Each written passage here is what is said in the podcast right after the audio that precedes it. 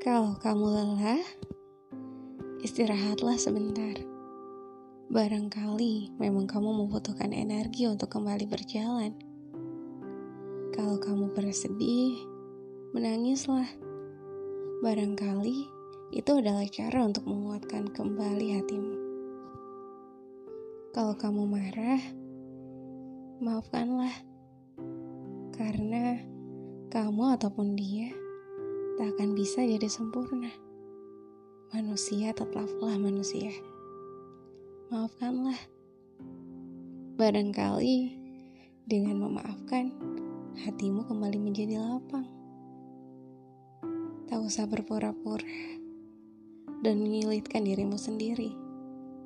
Meskipun kamu berusaha menjadi matahari di depan banyak orang, sekuat apa pun kamu mempertahankannya kamu akan selalu kalah saat sedang sendiri. Karena kamu tidak akan pernah bisa berbohong di hadapan Allah. Sekalipun kamu sembunyikan sendiri di dalam hati. Tidak masalah. Istirahatlah sebentar. Menangislah sebentar.